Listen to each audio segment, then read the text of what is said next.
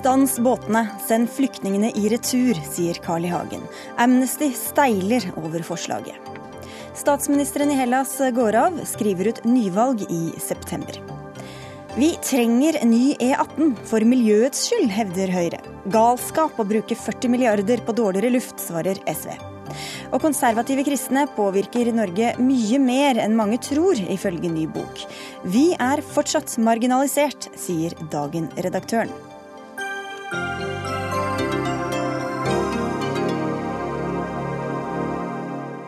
Dette er noen av sakene i Dagsnytt 18 på NRK P2 og NRK2, hvor vi også får besøk av en av høstens forfatterdebutanter.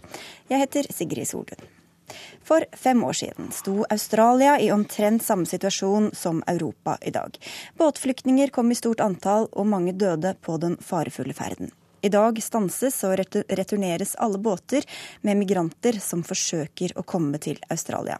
Resultat ikke ett menneske har mistet livet på havet siden. Og dette mener du at vi må lære av, og foreslår at Europa gjør det samme for flyktningene som kommer over Middelhavet, gruppeleder for Frp i Oslo. Karl-Jagen, jeg må få introdusere deg først. Hvorfor er dette en god løsning å snu båtene? Jeg tror fordi de samme problemene som Australia så at de ville få med et altfor stort eh, innslag, destabilisere Australia, det kan nå skje med Europa. Det er ingen grunn til å tro at dette stopper om en uke eller to. Da hadde det vært en helt annen. Det er en vedvarende situasjon lenge.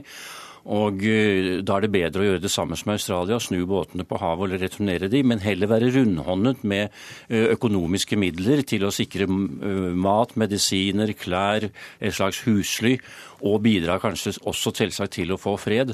Men vi kan ikke destabilisere Europa, som nå du ser. I dag har Makedonia unntakstilstand. Ungarn holder på å bygge et kjempegjerde. Innenriksministeren i Tyskland i går sa de kan ikke ta imot 800 000, en firedobling på ett år. Vi er nødt til å gjøre noe som vi ikke liker. Og Det er derfor jeg har sagt vi bør gjøre det samme med akkurat båtflyktningene, og returnere de og hjelpe de i nærområdene. Så det er ikke av hensyn til båtflyktningene som dør på havet? Det er også det, fordi vi ser veldig mange som dør på havet. og, og når noen kommer og det går bra, så ringer de hjem og sier 'kom etter'. Så dess flere som vi si, er vellykket, dess flere vil komme, og dess flere kommer til å dø på havet. For det er jo antall meninger. Så det, alle har jo sett denne elendigheten, og, og det er et uoverstigelig problem. Men det å destabilisere gjelds tunge landet i Europa har jo skyhøy statsgjeld. Det er grenser for hva man kan greie. Og da er det bedre for de midlene man har, å hjelpe mange istedenfor bare noen få. Men flyktningene til Australia kom via transittlandet Indonesia og ble sendt tilbake dit. Disse flyktningene det er snakk om, ble sendt rett tilbake til krig, tortur og overgrep. Hvordan er det sammenlignbart? Nei, det, er ikke, det er sammenlignbart tilbake til kontinentet, men det er å stoppe flommen. Det er å stoppe flommen og det å destabilisere Europa. Og, altså, Norge har jo store integreringsproblemer allerede. Vi har, vi har 5000 som, sitter, som har fått opphold, som venter på bosetting. Det blir en grense, og det må være lov for en norsk politiker å si vi må kanskje ta hensyn til vår egen befolkning, våre egne skattebetalere, som mangler også en del av de tjenestene vi gjerne vil gi. Og særlig når det her er et ufattelig sluk som bare vil fortsette. Et eller annet sted må man sette en grense, og jeg synes at nå må man drøfte hvorledes man gjennom Frontex-systemet eh, kan stoppe denne store strømmen til europeiske land. Generalsekretær i Amnesty International Norge, Jon Peder Egnes, send dem tilbake, sier Hagen. Ja, eh, Jeg skal komme tilbake til både hvordan dette faktisk er et brudd på internasjonal rett, eh, snakke litt om Australia, men først må jeg bare få lov til å si at dette er direkte umenneskelig. Eh, I går gikk det et bilde på Facebook av en fortvilet syrisk far som løfter barnet sitt i land i Europa. Og så sto det under kunne noen tenke seg å se denne mannen i øynene og så sende båten hans ut på sjøen igjen. Så våkner jeg i dag morges, altså er det akkurat det Carl I. Hagen sier at vi skal gjøre. Dette er umenneskelig. Det er et brudd på internasjonal rett. Mennesker har rett til å søke asyl. Og de menneskene som kommer over Middelhavet nå, det er mennesker som rømmer fra Syria, som rømmer fra Eritrea og som rømmer fra Afghanistan. Land som er i en større eller mindre grad av enten krig eller et av de verste diktaturene i verden. Og hva foreslår Carl I. Hagen? Jo, han foreslår å bygge en flyktningleir i Libya. Det forteller oss at Carl I. Hagen ikke vet hva som skjer i regionen engang. For Libya er i ferd med en, en kombinasjon av å implodere og eksplodere. Hvis vi bygger en flyktningleir der, så må vi sende hundrevis, ikke tusenvis av norske styrker for å beskytte den mot, uh, mot militser i Libya.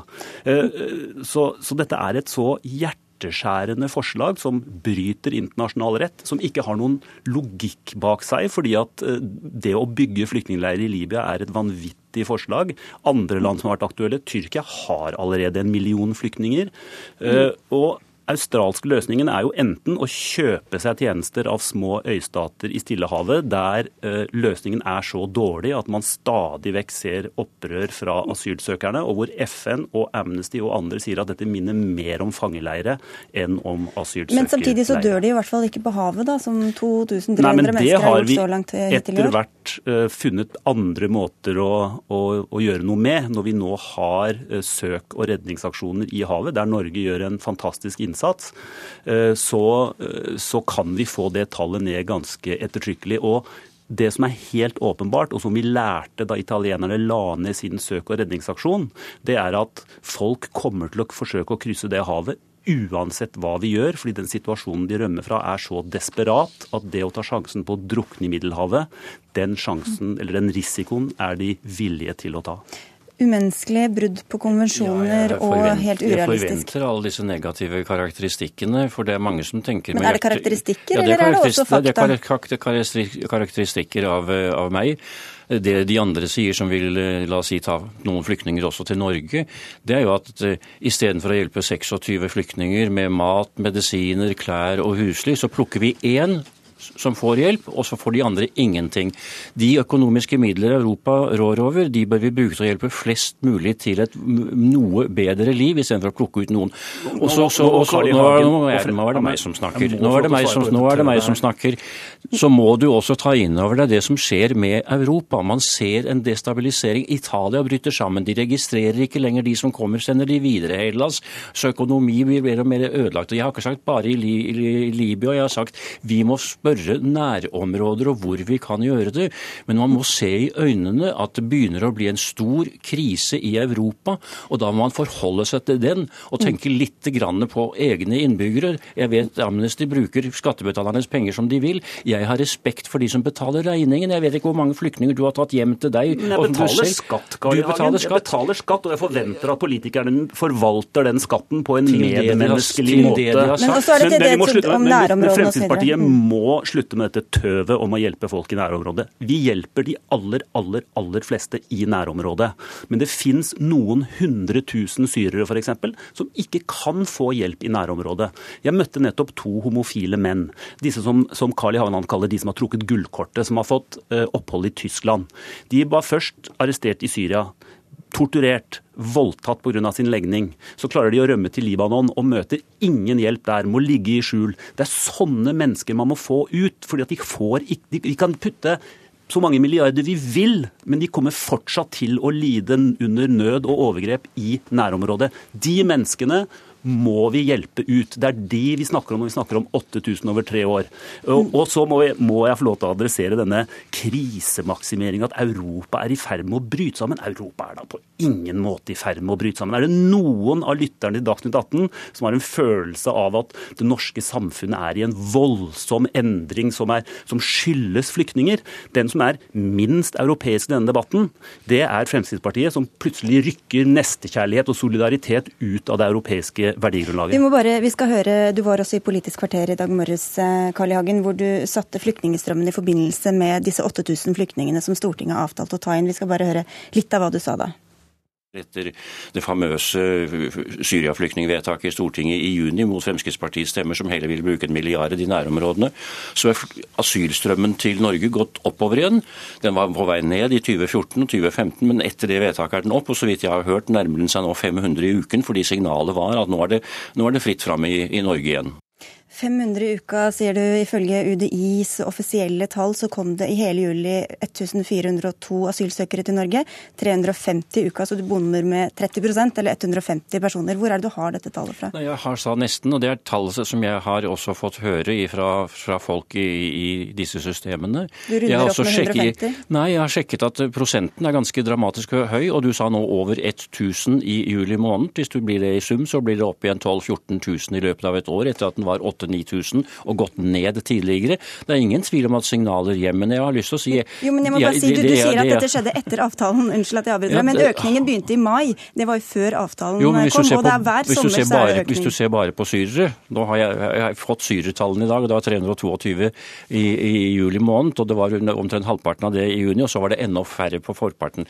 Men det, det, når du sier at ingen i Europa tror på at dette er noe problem Hvis du da ser rundt om du, Ja, men i Norge det er ganske mange som konstaterer at vi har 5000 mer som sitter nå og har fått endelig oppholdstillatelse i Norge, som sitter i mottak og venter på bosetting.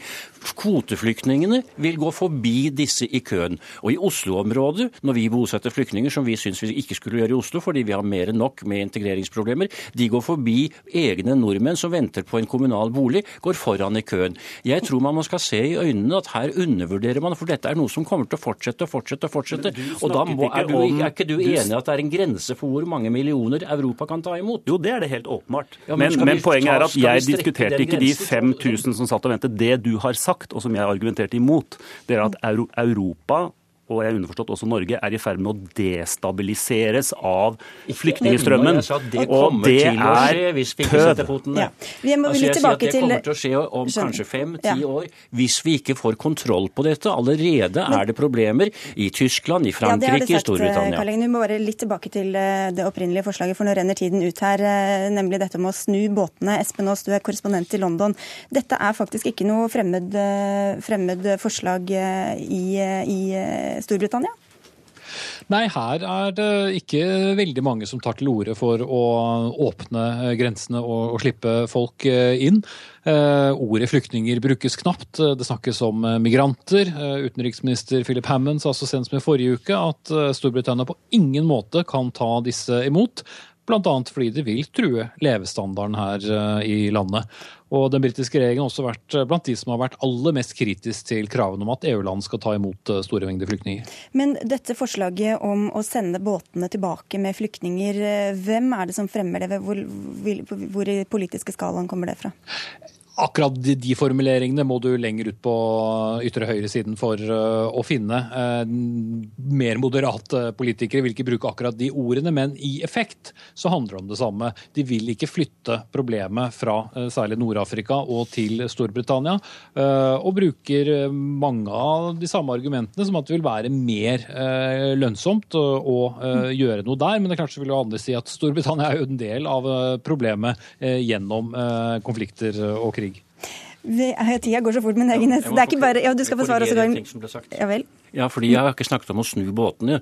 Jeg har snakket om å prøve å stoppe de veldig nær den afrikanske kyst. og Hvis det ikke er, så må man selvsagt få passasjerene over i andre sikre båter. Ja, okay. Ikke snu de elendige båtene. Det skal vi ikke ha noe av. Så der, der, er, der må du være litt forsiktig med hva du tillegger meg. Ja, beklager. Ja, eh, men Egenes, det er ikke bare Hagen som kjenner på denne frykten? Da, nei, nei, altså dette er jo en, en, en europeisk bevegelse eh, som jeg på mange måter frykter mer enn en flyktningene som kommer til Europa. Vi, vi, ser en utvikling av politiske strømmer som er mye mye verre enn det Carl I. Hagen står for.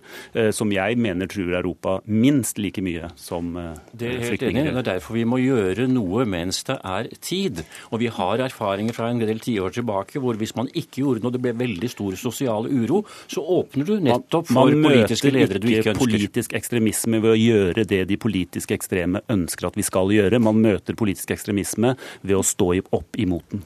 Og da må vi si tusen takk til dere begge og til Espen Takst Takk for at dere kom, Jon Peder Egenes fra Amnesty og, og Carl I. Hagen fra Fremskrittspartiet.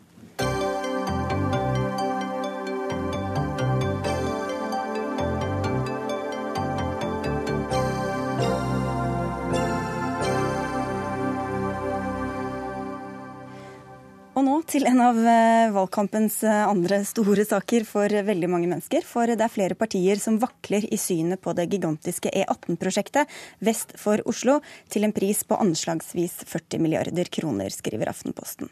Mange frykter for konsekvensene av utbygginga, for trafikkork i Oslo, for økte utslipp og dårligere luft. Men det er nettopp av hensyn til miljø og kollektivtrafikk du argumenterer for at denne veien må bli noe av Nikolai Astrup eh, fra Høyre. Hvordan henger dette sammen? Jo, det mener jeg, fordi dette handler ikke bare om E18, det handler om hele Vestkorridoren, som det kalles. Eh, og en fjerdedel av dette prosjektet er faktisk å bygge ut eh, kollektivfelt, eller rene bussfelt, som det skal bli, eh, og, og sykkelfelt mellom Oslo og, og, Asker. Det er bra. I tillegg så handler det om å bygge ut tunneler under steder som Høvik, steder som Sandvika og steder som Asker og det passer veldig godt, fordi da kan vi fortette på toppen av de eh, tunnelene eh, og få en sterk, sterke knutepunkt rundt der hvor vi har bygget og investert masse i å bygge dobbeltsporet jernbane. Det gjør det enklere for folk å leve uten bil. I tillegg reduserer du støy og støv i boligområdet langs Vestkorridoren. Og, er, og En annen del av dette prosjektet er å rydde opp i en del lokalveier. Og det blir heller ikke flere bilfelt inn til Oslo enn det det er i dag. Det blir seks felt. Vi skal komme tilbake til det, men det, bare for å si det til alle som ikke følger så grundig med. Dette er jo en, en, stor avtale mellom Oslo og kommunene rundt osv. som også skal finansiere noe av kollektivtrafikken og, være i, i Oslo. Dette er en del av det som heter Oslopakke 3, som er et skjørt politisk kompromiss mellom, eh, som var et kompromiss mellom alle partiene i Oslo og Akershus. Så har Frp og SV gått ut av dette, eh, men det henger sammen med store kollektivprosjekter, som f.eks. realiseringen av Fornebubanen. Tar du ut E18, så kan du risikere at også store prosjekter som Fornebubanen faller. Marianne Borgen, du sitter i bystyret for SV i Oslo. altså En ny E18 for miljøets skyld og kollektivtrafikkens skyld? Nei, det er jo, Dette er jo en stor misforståelse. Først har jeg lyst til å si at Det som er noe av problemet i Oslo, er at vi har en veldig helsefarlig luft allerede. Mange mennesker i Oslo sliter med en helsefarlig luft som gjør at de til tider ikke kan gå ut fordi lufta er så dårlig. Så jeg er rett og slett som bestemor bekymra for barnebarna mines helse. Eh, det er barn som ikke kan gå på skolen eller i barnehagen på deler av eh, I hvert fall særlig på vinteren. Og Hva vil ny E18 gjøre med det? da? Jo, og det, Den forurensningen kommer fra biltrafikken. Og det å bygge en, en, en 14 felts motorvei til 40 milliarder kroner, som byrådet, altså Høyre-byrådet selv sier vil kunne føre til 50% økning av, av, eh, trafikken, er jo da galskap. Eh, vi må bruke de store pengene framover på å bygge ut kollektivtrafikken. Så hvis det er slik at eh, Astrup ønsker bedre tilgjengelighet og framkommelighet for kollektivtrafikken, ja så finnes det gode tiltak vi kan gjøre i dag. For det er ingen som mener at E18 slik den er i dag, skal fortsette å være sånn. Og, klimaforliket som du kjenner godt, Astrup, sier at all eh, trafikkøkning skal skje via gange, mm. via sykkel eller kollektivtrafikk. Hvordan kan du da forsvare å bruke 40 milliarder på en vei som kommer til å gi mer eh, privatbilisme, ifølge alle forskere? For det første er det ikke 40 milliarder, det er 36 milliarder. Og av det så er altså 25 Hvordan er det med sånne samferdselsprosjekter igjen? Går det alltid i boks? Eh, så er 25% av det er rene kollektivsatsinger og eh, sykkelsatsinger. Det er viktig. 10% av det er tomteerverv, som kommer til å være selvfølgelig en stor utgift. Eh, og resten er mye tunnel- og byutvikling langs de stedene jeg nevnte. Og så er Det sånn, det blir ikke flere felt. Det blir ikke 14 felt inn til Oslo, som de sier. Det Marianne Borgen her sier, det er som at eh, ja, men inn til bygrensen til Oslo. Det er det du er bekymret for. Luften i Oslo var du bekymret for. Så blir det seks felt. Og det Marianne Borgen gjør, det er å si at eh, hvis man da, fordi man har bygget en tunnel under Bjørvika, så tar man de feltene som er i tunnelen, pluss du, lokalveien sånn, på toppen. Ja, Men vi tar ikke alt det lokale, er det ikke så mange jo, som klarer ja, ja, men, men, men, men Sigrid Solund, dette er viktig. fordi Det hun gjør, er å legge sammen lokalveien på toppen, som er en vei for lokaltrafikk, og bussfeltene på toppen, med de feltene som går i tunnel under. Det ene er motorvei, det andre er noe helt annet. og kan, Det er altså ikke snakk om å bygge en 14-felts motorvei inn til Oslo. Dette burde Marianne Borgen vite, og denne feilinformasjonen må hun slutte å gjenta. Så vi kan få en kunnskapsbasert debatt om denne viktige, det viktige samferdselsprosjektet for Akershus i første rekke. Jeg tror at Astrup må ta inn over seg byrådets egne beregninger på at det blir 50% økning av uh, biltrafikk. er Statens vegvesens anslag. Jo, men altså, vi fikk nett, jeg sitter som leder av samferdsels- og miljøkomiteen i Oslo bystyre. Vi har nettopp fått en sak fra, fra Stian Berger Røsland som sier dette. Og jeg må jo også utfordre deg på at, eh, at, at selv Oslos ordfører Fabian Stang sa for kort tid siden i media at han trodde ikke denne veien kom til å bli noe av. Så her snakker på en måte Høyre også med to tunger. De vil ha den i, i Akershus, og i Oslo så er både Stian Berger Østland og ordføreren litt ja, bekymra. I Oslo har de jo sagt at de ikke vil gå med på de planene som det ligger, men de skal skalere ned. Hva er det Høyre egentlig står for? Ja, det vi har sagt er Vi må se på om det er mulig å gjøre dette billigere. Eh, vi sier at vi ønsker en utbedring av E18 fordi det er viktig nettopp av hensyn til miljø, kollektivfelt, kollektivavvikling, den type ting. Trafikkavviklingen i, også i Akershus. Eh, men vi har sagt at en forutsetning er at det ikke øker trafikken inn til Oslo sentrum. Og det står fast. Og det kommer det heller ikke til å gjøre, for det blir altså ingen kapasitetsøkning på vei inn til Oslo. Det er ikke det Transportøkonomisk institutt sier? Vel, du kan ikke da... bygge en vei til 40 milliarder kroner og tro at det ikke blir økt trafikk på den. All erfaring tilsier at Det er ikke en vei som skal bygges for 40 milliarder kroner, Marianne Borgen. Og det vet du utmerket godt som leder av den komiteen du nettopp nevnte. Okay, men noen av milliardene skal gå til vei, da? Mange milliarder, altså vi har fått, eh, Disse tallene har jeg ikke, fått, har jeg ikke funnet på selv. De har jeg fått av ditt byråd i Oslo. Eh, så jeg tenker at det som vi kanskje bør snakke om, er at hvis du virkelig vil ha økt framkommelighet og økt satsing på kollektivtrafikk, Hvorfor kan vi ikke gjøre det sånn nå, med den veien vi har, hvor det er eh, kaos i dag også? Kan du ikke gjøre det sånn at du legger opp rushtidsavgift? Det har dere stemt imot. Du kunne lagt opp til at vi fikk én kollektivfelt, et miljøfelt og et vanlig fossilfelt allerede nå. Da ville du få mye mer flyt i trafikken, og vi kan øke kollektivandelen veldig fort. Hvordan skal du få med deg de andre kommunene rundt Oslo på det?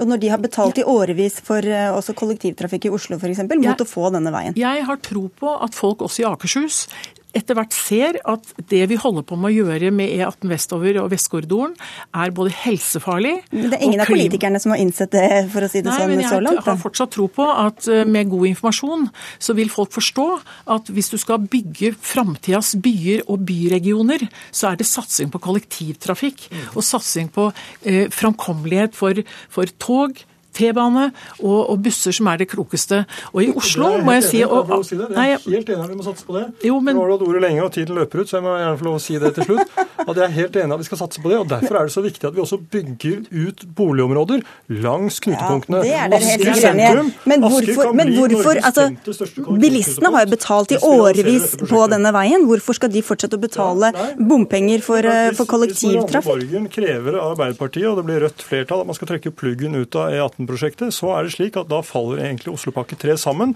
Da blir det heller da blir det en utsettelse på Fornebubanen som vi ikke trenger. Den må realiseres raskt. Alle andre store kollektivprosjekter som ligger i Oslopakke 3, settes i spill. Og vi får heller ikke de bussfeltene som vi trenger for å øke kapasiteten dramatisk på E18 når det gjelder kollektivtrafikken. Noe av det vi trenger mest i Oslo, det er en ny T-banetunnel. Hvis vi ikke får til en ny T-banetunnel, så kommer deler av Jo, alle er for, men dere er ikke villige til å putte penger på bordet. Jo, Nei, fordi hvis man bruker 40 milliarder kroner på å bygge ut en svær, diger motorvei som vil øke biltrafikken, så er det altså ikke ressurser engang igjen, og i tillegg er det faktisk helsefarlig. Det er bilistene som betaler for den veien. og du kan altså ikke kreve at vi skal Det er faktisk ikke lov å kreve bilistene for å betale for øh, å sette opp et bomsnitt i Bærum og så bruke alle pengene på å realisere noe helt annet i et annet fylke. Vi ble vel ikke helt ferdig med denne debatten, eh, men heldigvis er det noen uker igjen, eh, så folk kan få gjøre seg på en mening. Takk skal dere ha, i hvert fall begge to, Marianne Borgen og Nikolai Astrup.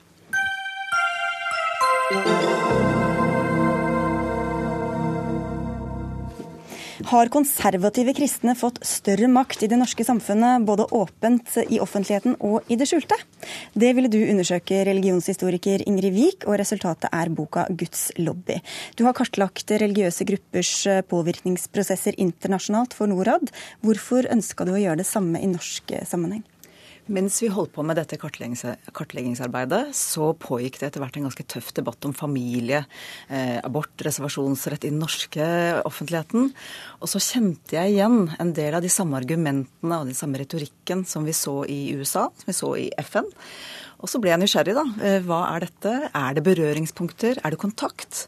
Eh, eller er det på en måte mer grunnleggende dype strømninger som, som preger større deler av verden? Dette vil jeg finne ut av. Og hva fant du?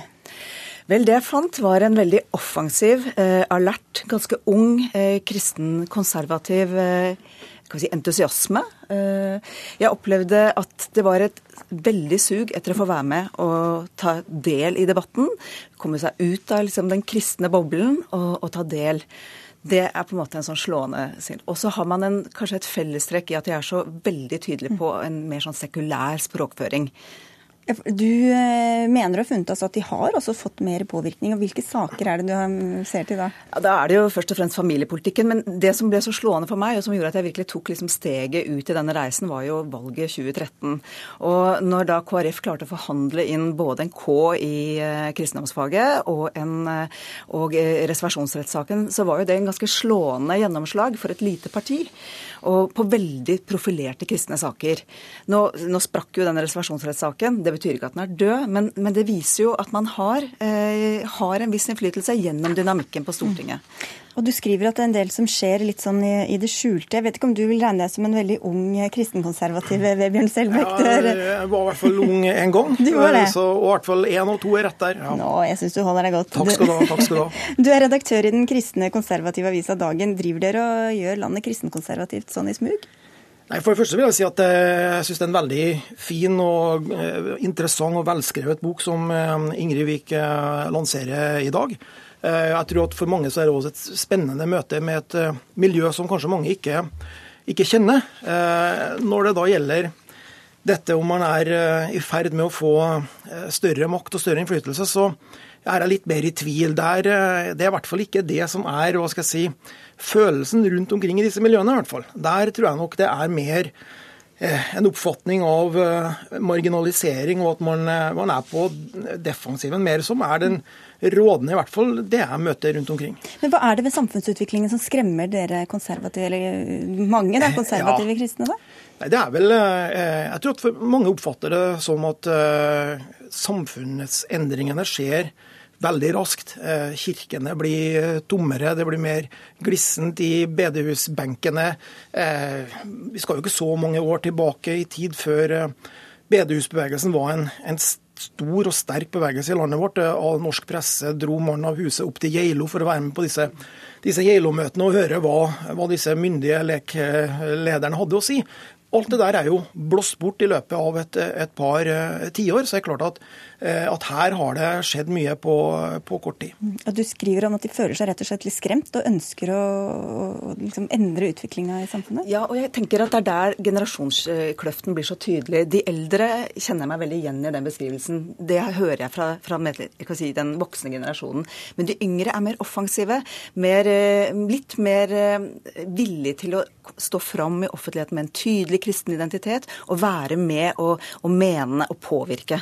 Så det jeg beskriver er jo ikke en trussel mot, uh, mot mine verdier, men, men kanskje starten på et fenomen med litt tøffere verdidebatter, og hvor den siden jeg kommer fra, altså en liberal venstreside, må bli mye flinkere til å møte verdiutfordringer med verdispråk. I stedet blir det ofte en sånn ensidig debatt fra vår side med å løfte rettigheter. Men det blir en mismatch, for de snakker på en måte et veldig varmt og effektivt, syns jeg, eh, verdispråk, som blir møtt med et litt sånn teknisk og litt sånn krevende rettighetsspråk. Ja, eh, det, det tror jeg du, du, har eh, litt rett i. fordi at på mange måter så er det jo er det jo eh, venstresida som, eh, som, har på en måte satt agendaen, som har rettighetene, som nå er i en forsvarsposisjon. Det, det, der tror jeg vi, vi, vi er, er, enige. Og så tror jeg òg at, at, det er riktig at man har lagt om språkbruken. Og at man på en måte prøver å komme med argumenter som er mer allmenngyldig, som folk eh, kan forholde seg til. og Det gjelder i mange ulike eh, debatter. og Der er det nok en generasjonsforskjell som, som også jeg kjenner meg igjen i. Men Dere har også prøvd å endre på argumentasjonsteknikken eh, i din avis? Ja, det var jo litt av prosjektet mitt da jeg ble redaktør i Dagen for, for fem år siden. Jeg ønska ikke en avis som bare bakser rundt i, i bedehusland og er en, en røst, en intern røst. Jeg ønsker jo at eh, avisa skal eh, bety noen ting i den allmenne debatten. Og da må man lære seg å føre en argumentasjon som kan bli forstått, som kan bli akseptert, selv om man er eh, uenig. At man i hvert fall spiller på samme banehalvdel, og ikke bare eh, skyter ut eh, bibelvers og skriftsteder. Det, det, er en type argumentasjon som jeg tror eh, ikke holder. Og der, der er det et generasjonsskifte. Det er jeg helt enig med deg i. Hva gjør det med debatten da, tror du, Ingrid Nei, altså Dagen syns jeg er et eksempel på noen som bidrar til en mer konstruktiv debatt, fordi de løfter også en slags internrevisjon, som kanskje ikke har preget kristenkonservative miljøer. Det har vært en ganske ensrettet kultur og lite rom for selv, altså kritikk. Eh, men her er det liksom en villighet til å, til å løfte alternative stemmer inn i avisa. Men jeg tenker jo at, at altså at verdidebattene blir tøffere på veldig krevende spørsmål som abort svært altså sensitive etiske spørsmål. Og utfordringen går på en måte da tilbake til, til oss som ønsker å bevare det, og, og liksom ikke overlate verdispråket om, som et monopol til den siden. Det syns jeg er viktig å få fram. De sakene du nevnte, det var jo Kristelig Folkepartis saker. Mm. Jo, hvordan vet du at det er et resultat av en um, mektigere kristen lobby? Nei, det, det, jeg på en måte sier, er at når man har en situasjon med et parti som til de grader er liksom, altså, friere fra absolutt alle kanter, og som, som liksom konstituerer grunnlaget for regjeringsmakt, så er det klart at, at de som et parti har et grunnfjell de må forholde seg til også. Så her er, det, her er det flere som blir hørt, og kanskje får den konservative da siden mer makt og innflytelse enn de grunnlaget og antall personer skulle tilsi. Men det er ikke bare Kristelig Folkeparti som, eh, som har knyttet kontakter med dette miljøet, skriver du også? Nei, Frp jo, har jo mange av sine, både velgergrunnlaget, men også veldig framstående politikere som er kjent og nær disse miljøene. Og som også bidrar inn i Oslo Symposium, som er et sånt verdimøte med de kanskje mest konservative.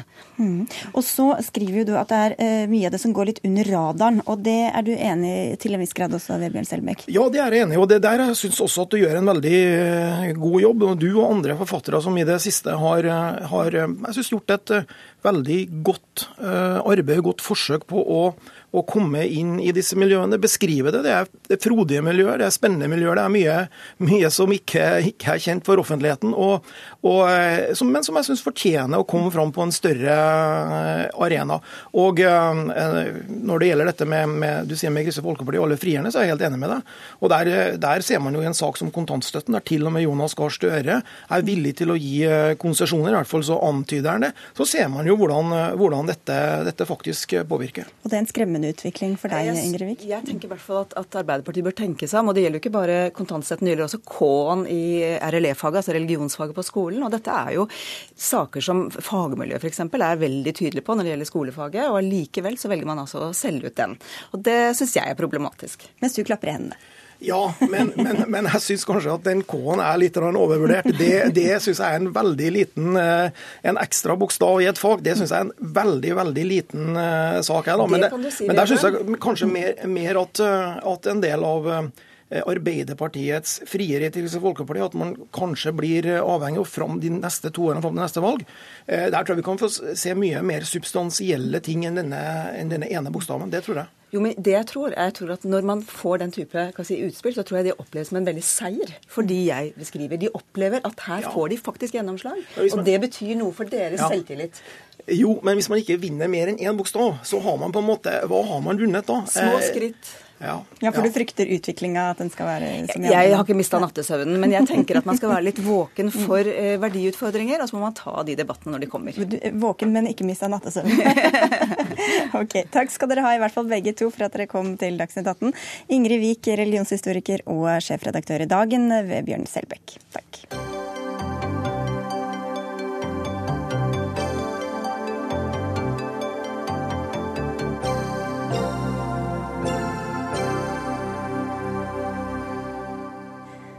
Statsministeren i Hellas, Alexis Tsipras, går av. I ettermiddag varslet han avgangen sin, og meldte at det blir nyvalg i september.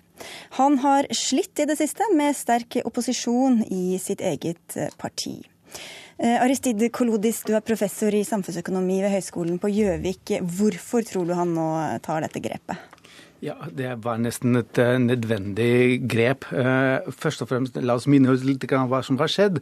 14. Uh, 14. august, da stemte det greske parlamentet over de nye avtalen som, som, Hellas har fått. Og Da var det 22, 220, 22 stykker som stemte for, og 75 mot.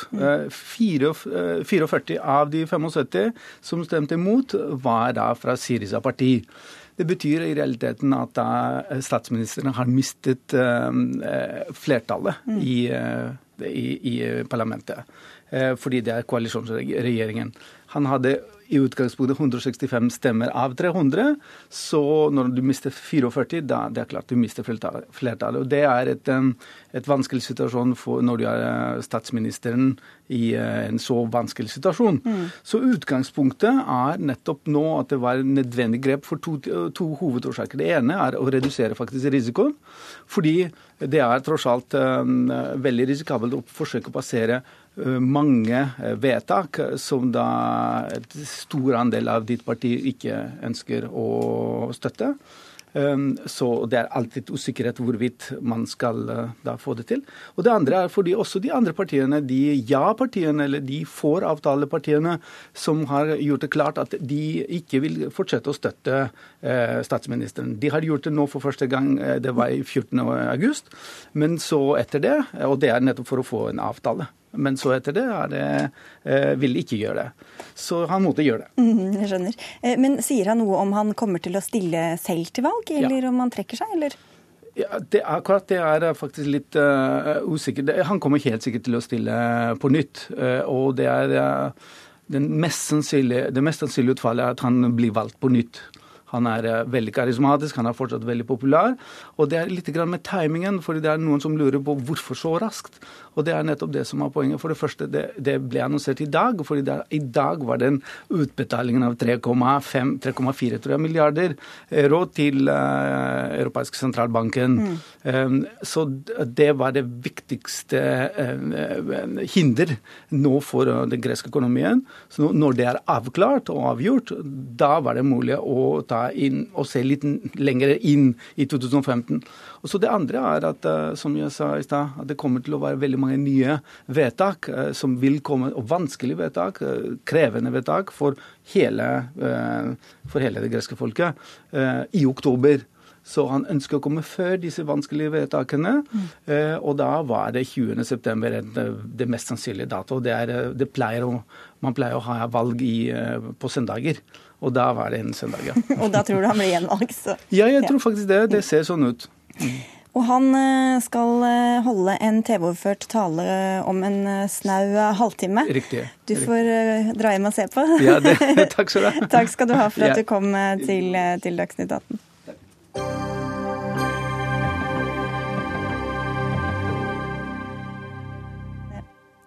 Så til det som kan betegnes som et politisk jordskjelv i Sverige. For med hele 25,2% er Sverigedemokraterna blitt landets største parti. Det kommer fram i en måling gjort av analyseorganisasjonen YouGov. Men det er knyttet stor usikkerhet til den nye målinga, som gjøres via et selvrekrutterende nettpanel, en metode mange kritiserer. Og vi har med oss Rikard Jamsoff, du er partisekretær i Sverigedemokraterna. Velkommen til Dagsnytt 18. Takk så mye. I 2010 hadde dere 5,7% Nå er dere riktignok bare ifølge denne ene målingen Sveriges største parti. Hva tror du er forklaringa på det? Ja, det er en oppgang som har gått veldig snabbt. Og jeg tror det finnes mange forklaringer. Eh, den viktigste er at det finnes et stort misnøye i Sverige eh, kopplat til den svenske innvandrings- og integrasjonspolitikken, som er mye, mye ekstrem, ikke minst om man sammenligner med våra grannländer, Danmark, Norge och Finland. Och, eh, men det är också att vi sitter i riksdagen det andra mandatperioden. Vi har ju såklart en möjlighet nu att nå ut till de svenska väljarna på ett sätt som vi inte har gjort tidigare. Det vill säga att väljarna har kanske börjat lära känna oss och lärt känna att vi har åsikter i, i många andra frågor som de också tycker är bra. Och sen vet jag att det finns ett missnöje med den så kallade decemberöverenskommelsen her i Sverige og et missnöje med den sittende regjeringen. Så det finnes mange forklaringer, tror jeg. Det var nylig drap på Ikea i Sverige som ble koblet opp til deres videre oppgang. Tror du det er en forklaring? Jeg tror ikke at en enskild hendelse av dette slaget har noen avgjørende betydelse. Det var en fruktansvärd hendelse. Derimot tror jeg at det har hendt mange saker i Sverige, liknande hendelser. Vi har problem i mange förorter med, med vold og stenkastning och man skjuter, man spränger handgranater och eldar bilar och detta är någonting som händer hela tiden. Jag tror att allt sammantaget tillsammans spelar en avgörande roll när det gäller att människor helt enkelt att, att gå över till Sverigedemokraterna. Och sen vet jag också att det finns ett stort missnöje med eh, människor som kommer från delar av Europa, inte minst Rumänien, for å tigge i Sverige. Jeg vet at det finnes et stort missnöje med dette, og det er bare Sverigedemokraterna som, som, som är emot og som vil skicka tilbake de här menneskene. Jeg tror at det også er noe som spiller en stor roll. Så, men Du sa det var en ekstrem debatt. Da er det vel mange som vil si at dere bidrar til denne ekstreme debatten i eh, Sverige? Hva sier du til det? Det er helt felaktigt. Det enda vi vil er att diskutera frågorna objektivt og saklig. Jag menar att Sverige har inte klarat av att diskutera de här frågorna objektivt och sakligt. Jag menar, om vi, de senaste två åren har vi fått en liten förändring vilket innebär att det finns nu vissa tidningar där man på ledarsidan har börjat och vågat diskutera eh, invandringsfrågorna och att man, man faktiskt kan ha en, kritisk inställning. Problemet är att de här ledarredaktörerna anklagas för att vara rasister. De, man anklagar tidningarna för att vara nazistbruna. Man anklagar de här ledarna för att man ledarredaktionerna för att man springer Sverigedemokraternas ärenden. Och jag menar det visar ju bara hur felaktig debatten är i Sverige. Vi vill bara debattera objektivt. Och det, det måste man få gjøre. Men uh, hva vil du avslutningsvis si at de andre partiene bør trekke av konklusjoner etter denne målingen? At de ikke har det svenske folkets stöd i innvandringsfrågan. Så enkelt er det. Vi får takka takke der, uh, Rikard Jamsoff, for at du var med i Dagsnytt 18. Du er partisekretær i Sverigedemokraterna. Og sett over til deg, politisk kommentator her i NRK, Magnus Takvam. Kan vi tro på dette tallet, 25,2% jeg tror nok tallet er litt for høyt, eller noe for høyt. 25% uh, pga. Uh, denne spesielle målemetoden som gjør at de som er spurt, ikke nødvendigvis er et representativt utvalg av svenske velgere. men det kom i ettermiddag en annen, mer tradisjonell måling i den svenske avisa Aftonbladet f.eks., som også ga Sverigedemokraterna veldig gode tall på over 20% nesten like store som det svenske partiet Moderatene, altså det konservative partiet. Og eh, som viste at ifølge denne målingen da, så er Sverigedemokraterna i øyeblikket det største partiet i Sverige blant eh, svenske mannlige velgere. Så det er ingen tvil om at de har hatt en veldig stor framgang, også etter det gode valget som ga de rundt 13 eh, sist. Og så forklarer han det med, at, eh, med innvandringsspørsmålet, som jo er det vi forbinder dem med først og fremst, men også at velgerne har fått se andre sider av politikken. Hva tror du er årsaken til denne framgangen? Altså, Den underliggende årsaken er uten tvil knyttet til innvandringsspørsmålet.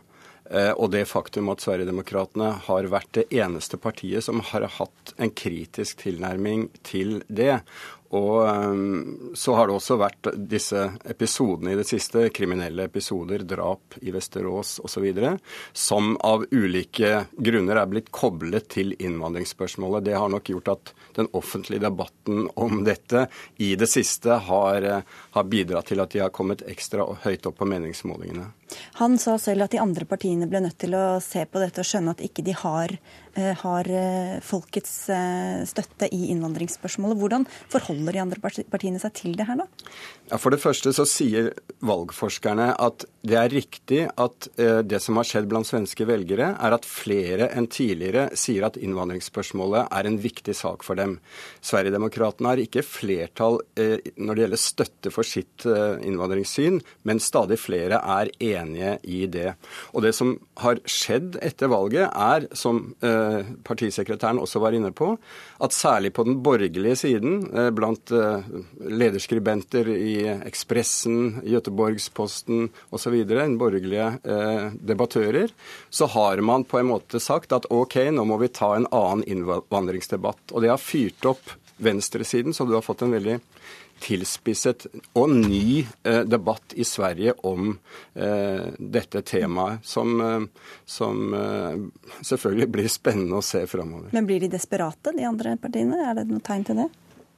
Altså, De er et veldig dilemma. så Det er eh, ingen tvil om at f.eks. Moderatene, som skal ha landsmøte i høst, de varsler at de skal også komme med forslag som, eh, som fanger opp den, de problemene som fins på dette feltet.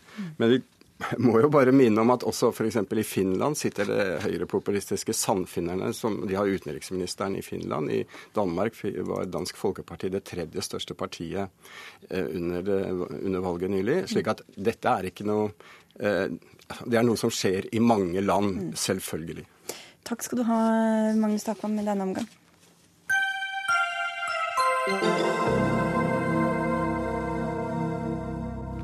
Fra Hellas og Sverige fortsetter vi videre til Tyrkia, der det også går mot nyvalg. Det blir nemlig konsekvensen av at den tyrkiske statsministeren i dag sa at han gir opp forsøket på å danne ny flertallsregjering. Årsaken er at koalisjonssamtalene mellom regjeringspartiet AKP og andre tyrkiske partier ikke har ført fram etter flere uker med samtaler. Stadig driver tyrkiske myndigheter også kamper mot det kurdiske partiet PKK. Gunnar Ekløve Slydal, du er assisterende generalsekretær i Helsingforskomiteen. Hvorfor har ikke de forhandlingene ført fram? Ja, Det er kanskje to hovedteorier. og Det ene er at eh, AK-partiet egentlig ikke ønska en koalisjonsregjering. De ønska kanskje bare å utsette og vinne tid, eh, sånn at de kunne skrive ut nytt valg eh, og vinne tilbake flertallet i parlamentet. En annen måte å se på er jo at den politiske avstanden mellom partiene er veldig stor. De forhandler mest med CHP, som er et sekulært orientert parti Eh, og de sa i dag at de ble enige om noen ting, men ikke om utdanning. Vi vet at AK-partiet er i ferd med å gjøre mange endringer i utdanningssystemet. Utenrikspolitisk sto de langt fra hverandre. Og så er det det store spørsmålet hvor mye makt skal presidenten egentlig ha? Som eh, vi vet at Erdogan han vil ha så mye makt som bare mulig. det snakket vi mye om eh, for en måneds tid siden. Ja. Men eh, hvis vi holder oss til denne første litt mer konspiratoriske teorien, hva har de å, å vinne på å, å, skrive ut nyvalg sånn strategisk? De tapte flertallet i parlamentet fordi HDP, som man litt upresis sier et kurdisk parti. Eh, det er ikke bare det. Det er også et liberalt demokratisk parti som mange tyrkere stemte på. De fikk 13% og 80 plasser i parlamentet. Det gjorde at AK-partiet mista sitt flertall. Og da blir alle prosjektene til Erdogan mye vanskeligere. Mm. Så de ønsker kanskje, eh, ganske sikkert, å deskreditere HDP, sånn at de ikke kommer over den høye sperregrensen på 10% ved nyvalget. Og det har de gjort ved å koble dem opp mot PKK, sier du, Seher Aydar. Du er kurder selv, og du leder Solidaritet med Kurdistan og jobber også for Antirasistisk Senter. Mm. Hva, men, hva, tror du har vært strategien? Også de har jo prøvd å uh, lage krig i landet uh, for å få mer makt selv. Uh, og det er jo helt forferdelig, fordi unge tyrkere og kurdere blir drept uh, pga. noe som de egentlig aldri har vært med å bestemme på. og i dag så ser vi jo en ganske brutal situasjon i mange kurdiske byer hvor det er store angrep, men det har jo ikke fungert. Men Fortell bare først om denne koblingen mellom, eh, mellom dette partiet og, og PKK, som jo du sier er en frigjøringsorganisasjon, andre kaller det en terrororganisasjon, mm. eller noe midt imellom? Også HDP er jo et uh, legalt parti uh, som har røtter i både kurdiske partier, venstresidepartier, miljøorganisasjoner, feministiske organisasjoner. Er et slags samlingsparti for både tyrkere og kurdere som kjemper for demokrati i Tyrkia og fred i Kurdistan. sånn at det er et helt et parti for alle, da. Eh, mens PKK er en bevegelse, en frigjøringsbevegelse som kjemper eh, på en annen måte. Ikke gjennom å stille til valg, men gjennom å drive eh, bevegelser blant folk.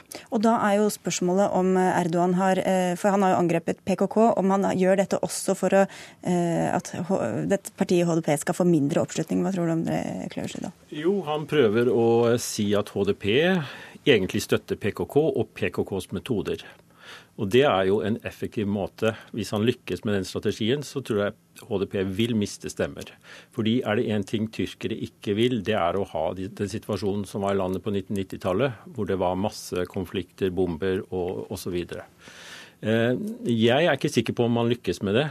Fordi lederen, lederne i HDP eh, har vært veldig klar på at de tar avstand fra eh, all slags vold de har til og med sagt til Erdogan og regjeringen dere kan godt ta fra oss vår immunitet og etterforske oss for å finne ut at vi har rent mel i posen. Vi er politikere, ikke krigere.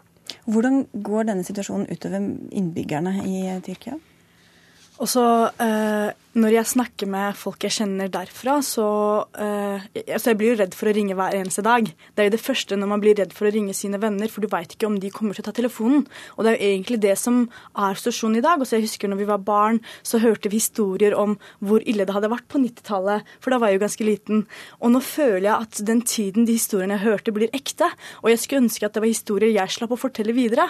Eh, men akkurat nå så må vi kjempe eh, mot staten for at de skal slutte å angripe folk på den måten. Fordi vi hører om, om huser som blir brent ned, eh, folk som blir drept i alder av 17-18. Altså, Mm. Det er helt brutalt, det som skjer. Og det fins byer som uh, de har uh, erklært nød- uh, eller krisesituasjon i, da, der du nesten ikke kan komme inn i byene. Du kan ikke få kontakt med de som er der. Det du vet, er at de er redde for å bli massakrert, mm. og de er redde for hva som kan skje. men journalister til og med får ikke komme inn i noen av de byene, da. Hvordan vil du beskrive situasjonen, da? Nei, det er nok en ganske presis beskrivelse vi får her. Um, Politikk i Tyrkia har på en måte alltid vært brutalt. Eh, det er ikke første gang at noen blir drept i gatekamper osv. osv. Men det som er det tragiske nå, er at for første gang var den politiske kurdiske bevegelsen i parlamentet. Og alle jubla. Det var veldig stor eh, optimisme etter valget 7.6. Man så for seg en politisk prosess som kunne føre til eh, et mer stabilt og fredelig Tyrkia. Det er det som står på spill nå. Ja, fordi Siden valget så har jo uh, Tyrkia, Tyrkia, da erklært krig mot IS, og, og, og samtidig kamp, krig mot PKK. Hvordan ser du da for deg veien videre nå fram mot dette valget? Um, nei, jeg frykter at uh, voldsbølgen vi ser nå vil fortsette frem til valget, og at Erdogan vil gjøre alt han kan for å selge seg som den som kan redde den tyrkiske nasjonen. Jeg tror det er en, uh, en hovedbjelke i hans uh, strategi. Dessverre. Dessverre er det det. Eh, og det som er viktig å huske på, at de skaper jo frykt og, eh, og utrygghet for befolkningen der. Og det er kjempeviktig at det internasjonale samfunnet også reagerer. Mm. fordi hvis han får lov til å holde på helt fram til valget, så er det snakk om ganske mange liv som går tapt. Både på den ene og den andre sida, altså. Tida renner ut her litt, men Hvordan syns du at det internasjonale samfunnet har håndtert denne kampen mot PKK? Eh, de er altfor svake i sin kritikk av det de gjør mot kurderne. Eh, de føler seg litt fanget, for de ønsker at Tyrkia skal være aktive mot IS. Det er opplagt. Men det må ikke gjøre oss blind for, den, eh, for, alt det som står på spill inne i Tyrkia i forhold til den kurdiske befolkninga. Så vi må, ha, vi må, ha, mye klarere kritikk, også fra norske myndigheter. Mm. Og nyvalget blir om et par måneder? Ja. 22.11, sier noen. Ja. Takk skal dere ha. Vi kommer helt sikkert tilbake til dette da. Seher Aydar eh, fra Solidaritet med Kurdistan og Gunnar Ekeløver Slydal fra Helsingforskomiteen. Takk.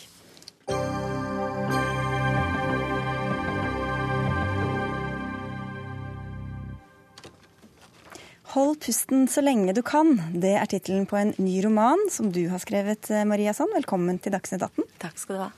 Dette er din første roman. Du ja. er eh, egentlig utdannet skuespiller fra Roma og ansatt på Det Norske Teatret. Hvorfor ville du skrive? Eh, jeg ville ikke skrive, jeg bare begynte å skrive. Og så var det så godt å gjøre det. Jeg kom hjem fra Italia, hadde bodd lenge borte, ti år. Og så kom jeg hjem og begynte å spille på norsk og snakke på norsk og tenke på norsk igjen. Og det Ja, da bare kom det ut. Det var språket som lokket deg? Det var språket som lokket meg, ja. Handlinga i boka di spenner seg over en periode på 24 år, er det vel?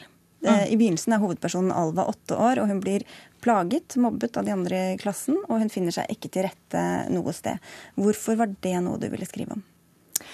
Um, jeg er jo opptatt av å begynne med barnet. Fordi det er jo en uh, en veldig tydelig begynnelse, og min begynnelse, og alles begynnelse, selvfølgelig. Men eh, det var noe sårt i det barnet som når jeg begynte å skrive den boken, så var jeg også på et litt eh, sårt sted. Eh, og usikker på hvor jeg skulle videre i livet. Det er fem år siden eller noe sånt. Og da går man jo i barndommen sin. Det er naturlig å tenke hvordan, hvordan var det ting begynte? Hvordan var det egentlig? Hvordan var jeg før alt på en måte satt i gang? da. Mm. Og, og hva er det ved barndommen da som er så interessant? Alt står jo åpent. Og alt som skjer, er større eh, enn når det skjer når du er eldre. Eller i hvert fall følte jeg det sånn. Så det vonde er vondere, og det gode er bedre på mange måter. Og det er jo et fint utgangspunkt for å skrive en historie om et menneske som man skal bry seg om, da. Mm. For du sier at du har hentet, selv om det er en roman, at du har hentet mye følelser og erfaringer fra ditt eget liv også? Ja. Jeg begynner jo i ting som jeg kjenner. Det er ofte at jeg eh, begynner med en følelse eller en, en um, konstellasjon eller en tanke, og så prøver jeg å gi den en kropp, som er en situasjon. Eh, men av og til må jeg låne den situasjonen fra tankene mine, fantasien min, andre. Eller så kan jeg bruke egne ting som jeg lignende ting jeg har opplevd selv. Eller ting jeg har opplevd selv, da. Mm. Det er jo mange som hører på som ikke har lest eh, denne boka, men mm. den handler altså om en jente, og hun har det ganske vondt i seg selv. Mm. Tittelen 'Hold pusten så lenge du kan', hva, hva ville du med den? Altså, Alva hun finner ikke roen så lett. Hun prøver hele tiden. Det er kampen hennes, da. Kampen hennes er å finne en slags ro. Uh, og pusten, når man er litt stressa, så går ikke pusten. ikke sant? Når man ikke har det bra, så stopper det opp. Og det tror jeg er liksom Alvas kamp, da, å prøve å, uh, prøve å finne en, en, en, en, rytme på pusten, og ikke holde den så lenge du kan, da. Og du vil jo også vise at skadene som du kan bli påført i barndommen, kan, kan vare hele livet? Mm. Jeg tenker at alt som skjer i barndommen på en eller annen måte varer hele livet. Og spesielt hvis det er vondt, så vil det prege deg, og det vil sette eh, vil prege hvordan du ser på andre mennesker, og hvordan du møter andre mennesker, og du, hva slags vennskap eh, du har eh, knytter senere i livet. Da. Mm. Hun blir jo da sviktet av mange, men ettersom hun blir eldre, så viser det vel også at selv en som mange har gitt opp, eh, som eh, oppfører seg dårlig og de ikke får tak på, de, de, kan likevel bli svikta gang på gang, og så er det like fatalt eh, hver gang allikevel. Ja, jeg tror det alltid er fatalt å bli sviktet. Jeg tror ikke, Det er som smerten, vi glemmer den. Uh, vi glemmer den så fort den er over. Så jeg tror ikke man venner seg til å bli sviktet. Jeg tror ikke man tenker at uff, nei, nå burde jeg lære meg dette her. Uh, jeg tror nesten kanskje det bare blir verre og verre. på en måte. Det blir jo bare større og større sår. Og så, Du har jo også barn selv. Mm. Som mor eller far mm. så kan man jo bli Det er ganske skrekkinngytende å tenke på både de sårene man kan påføre sitt eget barn, og alt det man ikke klarer å forhindre at de blir, blir eh, påført. Noe også hovedpersonen din nærmest blir lammet av. Mm. Ja, det er, kjempeskummelt. det er kjempeskummelt å være mamma og pappa. Eh, man sitter jo der med det barnet som man kan Ja, som er eh, fullt av liv og fullt av eh, forventninger til eh, hvordan ting skal skje. Og det er enten så passer man på for mye, eller så passer man på for lite. Det er, man får ny informasjon hele tiden om hva som er riktig hva som er galt, og man skal balansere seg gjennom eh, denne oppgaven. Eh, og det er veldig, veldig, veldig lett å falle utenfor hva som på en måte er akseptert, og veldig lett å føle seg som en dårlig forelder, tror jeg. Uh, og kanskje lett å være da. Og det er jo liksom dilemmaet hele tiden. Er jeg Ja, hvor uh, hvor streng skal man være mot seg selv? Og skal man egentlig være veldig streng mot seg selv? Blir man en god forelder da? Eller, eller skal man tørre å på en måte føle ja, føle intuisjonen sin og tenke nå, nå må vi bare sitte her inne og eh, late som ikke det finnes noe verden der ute, fordi det føler jeg er tryggest for oss to nå. Så holder vi oss for ørene, og så holder vi pusten så lenge vi kan. Og så, og så kan det bare være helt forferdelig der ute, men vi to vi skal ha det fint her inne. Er det sunt eller ikke, det vet jeg ikke. Nei, For det er litt det hun, hovedpersonen din gjør når hun etter hvert selv blir mamma. Mm.